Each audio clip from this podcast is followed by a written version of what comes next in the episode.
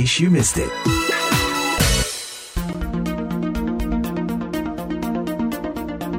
In case you miss it, 28 Oktober 1928, para pemuda Indonesia mengemukakan ikrar yang kini dikenal sebagai Sumpah Pemuda. Peristiwa ini menjadi tonggak penting dan utama dalam sejarah pergerakan pemuda seluruh Indonesia dalam semangat kemerdekaan Indonesia. Bagaimana peran mereka 94 tahun kemudian dalam berbangsa dan bernegara? Apa saja isu yang dianggap penting oleh kaum muda Indonesia sekarang ini? Saya Utami Husin berbincang dengan Willy Aditya, politisi muda dari Partai Nasdem yang juga anggota DPR RI periode 2019-2024 dan Oki Rahadianto Sutopo, sosiolog yang juga direktur Youth Study Center Visipol UGM.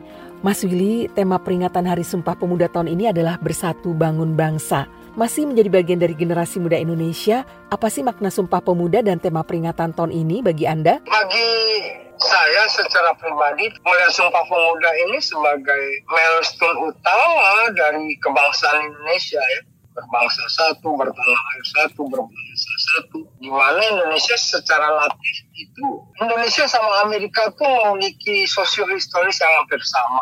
Berbangsa-bangsa lalu kemudian menjadi sebuah negara bangsa kalau kita belajar dari sejarah negara bangsa Eropa itu kan satu bangsa menjadi satu negara. Itu yang kemudian jadi dia sangat homogen, sangat monolitik bahkan. Yang kedua itu kita melihat Arab sendiri satu bangsa sekian negara.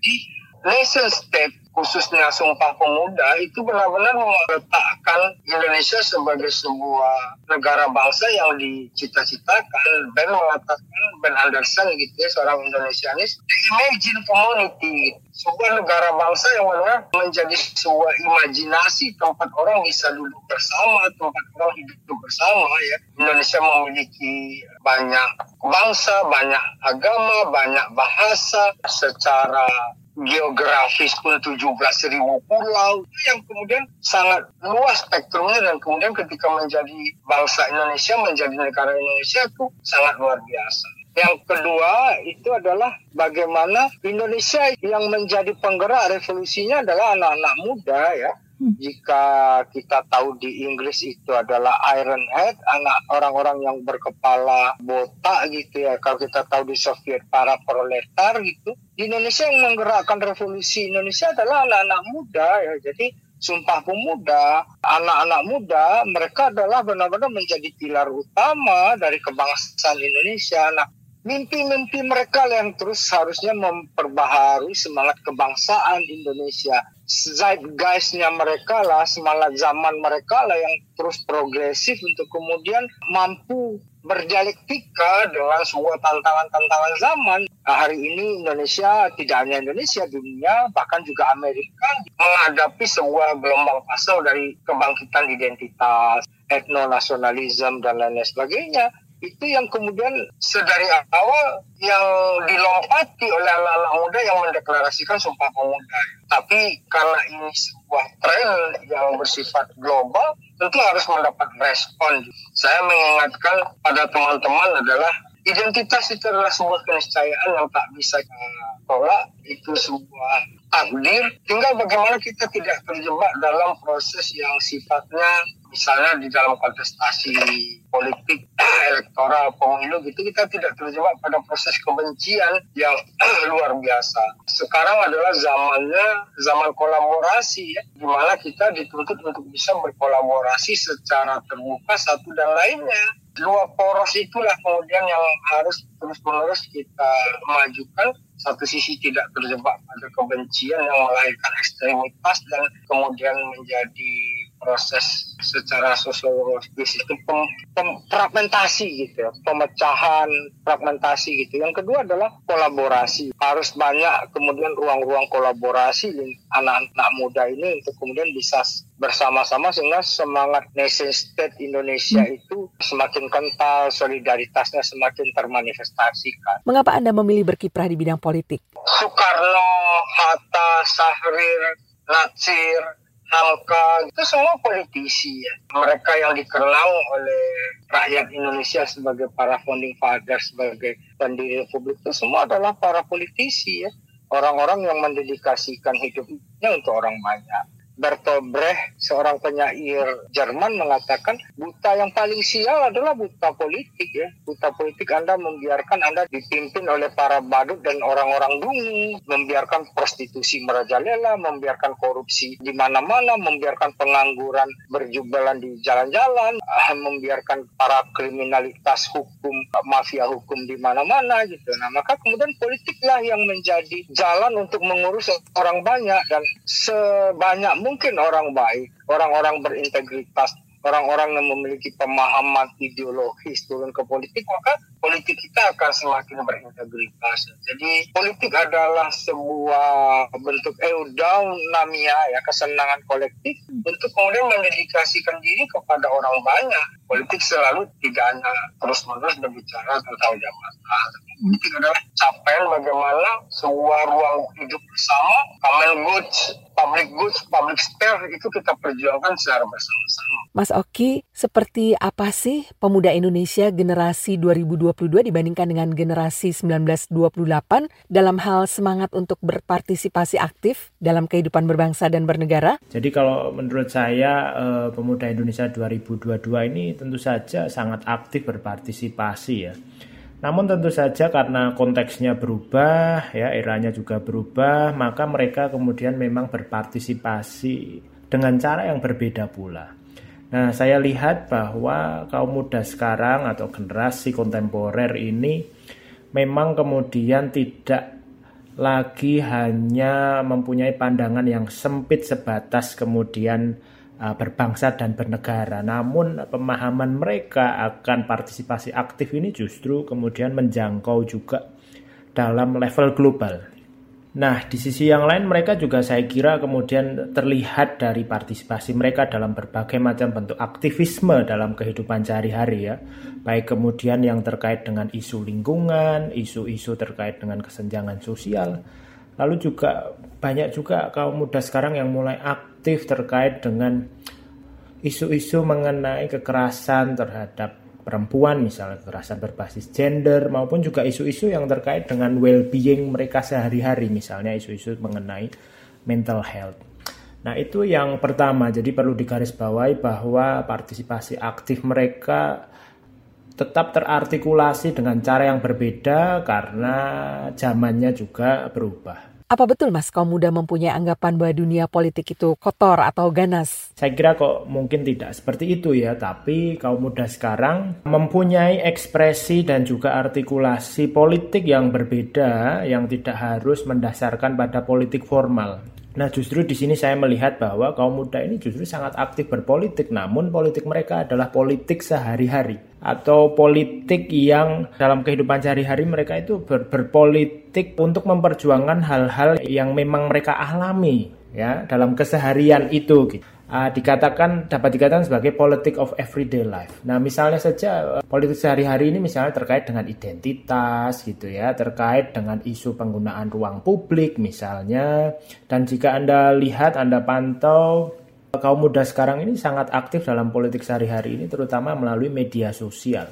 Nah, misalnya ada isu tentang penyalahgunaan kekuasaan, misalnya ada isu tentang apa tempat yang banjir di di sebuah kota tertentu, atau misalnya ada isu kekerasan di institusi pendidikan, mereka sebenarnya uh, sangat aktif mencoba untuk uh, berpolitik dalam kehidupan sehari-hari itu melalui misalnya sarana media sosial itu, ataupun juga dalam kehidupan sehari-hari, misalnya banyak juga saya jumpai uh, kaum muda yang dalam level lokal ya itu melakukan ini apa mengajari di kampung miskin gitu ya di kampung pinggir gitu mereka mengajari untuk berbahasa Inggris gitu ya uh, mengajari anak-anak untuk uh, mengerjakan PR dan sebagainya. Saya kira ini menjadi bentuk-bentuk politik sehari-hari dari teman-teman muda sekarang ini. Gitu. Anggota DPR RI yang berusia di bawah 40 tahun hanya sekitar 10 persen saja. Apakah karena secara umum generasi muda apatis terhadap politik, Mas Willy? Saya pernah menjadi kepala sekolah demokrasi. Itu ada cuma enam di Indonesia. Kami secara rutin mendapatkan kunjungan dari beberapa negara dan mereka justru sangat excited ya misalnya dari Belanda, dari Jerman, dari mana-mana anak-anak mudanya tidak mau berpolitik. Itu tidak hanya tren di Indonesia tapi itu menjadi tren global ya. Karena terjadi pergeseran dari zon politikon menjadi homo economicus ya. Orang sekarang lebih memilih menjadi apa ya usahawan hmm. lebih menjadi entrepreneur ya. Seolah-olah itu politik ada proses macam politik hitam kotor gitulah ya. Nah realitas-realitas ini yang kemudian bisa kita lihat secara historis ini butuhnya semacam korespondensi dengan sejarah, dialektika dengan para banyak para founding fathers itu membuktikan bahwasanya kita harus literasi kita harus lebih matang. Jadi saya contohnya di DPR adalah orang yang mengusulkan dan menjadi ketua panja rancangan undang-undang tindak pidana kekerasan seksual yang hari ini sudah menjadi undang-undang tindak pidana kekerasan seksual yaitu bisa menjadi sebuah inspirasi benchmarking bahwasanya anak-anak muda berkarya, anak-anak muda berkiprah cukup luar biasa ya. Dan bahkan sekarang saya masih berjuang bagaimana rancangan undang-undang pendidikan kedokteran itu yang sudah turun surpresnya tapi dimnya belum masih terus kita berusaha untuk menjadikan undang-undang. Bagaimana pandangan Anda Mas Oki? Nah, saya kira mungkin tidak ya, tapi sebagaimana saya jelaskan tadi, artikulasi mereka terhadap dunia politik mungkin sudah agak bergeser terutama pada uh, politik sehari-hari. Nah, di sisi yang lain saya kira penting ya jika memang ingin kemudian tetap mempertahankan politik formal sebagai salah satu ruang untuk uh, mengartikulasikan kepentingan mereka, saya kira kemudian memang penting dibangun ruang komunikasi antar generasi sehingga kemudian kaum muda ini juga dan juga generasi sebelumnya ini bisa saling belajar satu sama lain gitu loh. Apa sih yang kemudian persoalan yang penting yang perlu dihadapi bersama gitu ya. Tanpa harus kemudian hanya menguatkan ego salah satu generasi saja, tapi justru kemudian komunikasi antar generasi ini saya kira penting gitu ya. Sekali lagi karena ini bukan masalah kepentingan satu generasi saja, tapi ini kepentingan generasi sekarang dan juga sebenarnya kepentingan generasi-generasi muda ke depan. Nah, saya kira itu penting gitu ya. Susunan birokrasi, terutama di pemerintah pusat kita, dipenuhi golongan tua dan peran pemuda minim di sana. Bagaimana tanggapan Anda, Mas Willy? Kalau di kepala daerah kita melihat banyak anak-anak muda yang terpilih. Tapi kalau di dalam birokrasi kan mereka mengenal meritokrasi sistem. Meritokrasi sistem itu suka nggak suka, senang nggak senang urut kacang ya. Tentu itu text time. Nah di sinilah kemudian kita butuh politik lah ruang ya untuk anak-anak muda berekspresi ya secara cepat, uh, secara direct ya. Tinggal bagaimana imajinasi, literasi, integriti itu menjadi satu paket yang utuh. Tidak ada artinya usia yang muda kalau tidak memiliki integritas dan memiliki imajinasi yang luar biasa untuk memajukan negara bangsanya. Jadi sekali lagi apa yang lebih dari anak muda adalah keberaniannya. Tinggal sekarang bagaimana ilmu pengetahuannya. Jadi selalu seperti kata Kopernikus itu perubahan di kolong langit selalu membutuhkan dua syarat ilmu pengetahuan dan keberanian dan itu biasanya ada di anak-anak muda anak-anak muda Indonesia lah, anak-anak muda di dunia lah hari ini yang harus kita dorong untuk memiliki keberanian dan ilmu pengetahuan. Mas Willy, iklim seperti apa sih yang dapat membuat pemuda kita memiliki semangat bernegara begitu hebat seperti mereka-mereka yang mengikrarkan Sumpah Pemuda? Ya, satu narasi yang kemudian anak-anak muda selalu tidak ingin status quo ya, tidak ingin terjebak dalam salah nyaman itu yang kemudian mendrive mereka untuk melakukan perubahan yang terus menerus ya yang kemudian ada semangat heroisme di jiwa anak-anak muda ya itu yang kemudian menuntun mereka untuk bisa bersikap dan tampil ke depannya. Nah proses itulah yang kemudian harus kita lihat ruang itu ruang heroisme, uh, ruang kemudahan itu tidak terjadi dua kali. Tinggal bagaimana sekarang mereka uh, disediakan ruang atau tidak. Ya di sinilah kemudian komitmen untuk melakukan secara terus-menerus transformasi regenerasi itu terjadi ya. Jadi kita harus membuka ruang seluas-luasnya. Dan biasanya anak-anak muda selalu, kalau dalam sejarah Indonesia, hampir secara gradual ya. Tidak hanya 28, ya, 45, generasi Menteng 31, Pak Adam Malik, Wikana, Soekarni, habis itu generasi 66, ya, habis itu generasi 70-an, saya lahir dari generasi 98-an ya. Itu selalu kemudian memiliki panggung-panggung sejarah. Mereka adalah aktor-aktor protagonis di dalam sejarah kemajuan Indonesia dan perubahan Indonesia. Kalau menurut Anda, Mas Oki? Nah saya kira ini penting sekali untuk menggarisbawahi lagi bahwa iklim politik yang lebih inklusif, yang lebih terbuka, saya kira itu menjadi aspek yang penting, terutama kemudian krusial juga untuk membuka jalur-jalur atau ruang-ruang atau sarana-sarana politik di luar jalur-jalur kepartean gitu ya. Saya kira ada banyak ekspresi-ekspresi politik yang akan lebih produktif jika kemudian difasilitasi di luar jalur partai. Dan itu saya kira tetap merupakan aspirasi yang penting juga untuk diperjuangkan tanpa harus kemudian direduksi dalam kepentingan-kepentingan partai-partai itu. Mas Oki, isu-isu apa saja sih yang dianggap penting oleh para pemuda Indonesia sekarang ini? Nah ini tentu saja sangat kompleks ya Mbak ya. Saya kira kaum muda sekarang mempunyai isu-isu yang saya kira juga jika kita lihat secara intergenerasional mungkin ada banyak perubahan-perubahan gitu. Nah, tapi yang pertama saya kira untuk generasi kontemporer ini terkait dengan availability of jobs atau mengenai pekerjaan dan kehidupan yang layak ini memang kemudian menjadi hal yang perlu dianggap penting gitu ya untuk kita lebih peduli lagi terhadap isu itu ya baik untuk para pemangku kebijakan ataupun untuk kaum muda itu ya pekerjaan dan kehidupan yang layak. Di sisi yang lain saya kira juga apa yang dianggap oleh penting oleh pemuda Indonesia juga terkait dengan isu-isu mengenai pendidikan ya, pemerataan pendidikan, akses terhadap pendidikan dan juga saya kira terkait juga akhir-akhir ini adalah mengenai kebebasan berekspresi. Nah, ini saya kira kemudian menjadi sesuatu yang dianggap penting juga oleh kaum muda Indonesia sekarang ini. Nah, terlepas dari itu secara eh, hal yang lebih lebih umum lagi saya kira kaum muda Indonesia sekarang ini mulai juga banyak berpikir mengenai kebahagiaan itu seperti apa tuh gitu ya. Terkait dengan kemudian apakah kemudian hanya ditemukan dalam pekerjaan ataukah hanya ditemukan pada family ataukah hanya ditemukan pada gaya hidup ataukah sebenarnya ada dimensi-dimensi yang lebih dalam dari itu dalam pemaknaan mereka mengenai kebahagiaan itu. Saya kira kemudian dua tahun pandemi kemarin itu banyak mengubah formasi-formasi ya persepsi kaum muda mengenai kebahagiaan dan apa yang mereka anggap penting sekarang ini. Sekarang ini orang muda sangat fasih menggunakan media sosial. Nah peran media sosial dalam pendidikan politik seperti apa sih Mas Willy? Kita suka nggak suka, senang nggak senang bertransformasi ruang digital ya.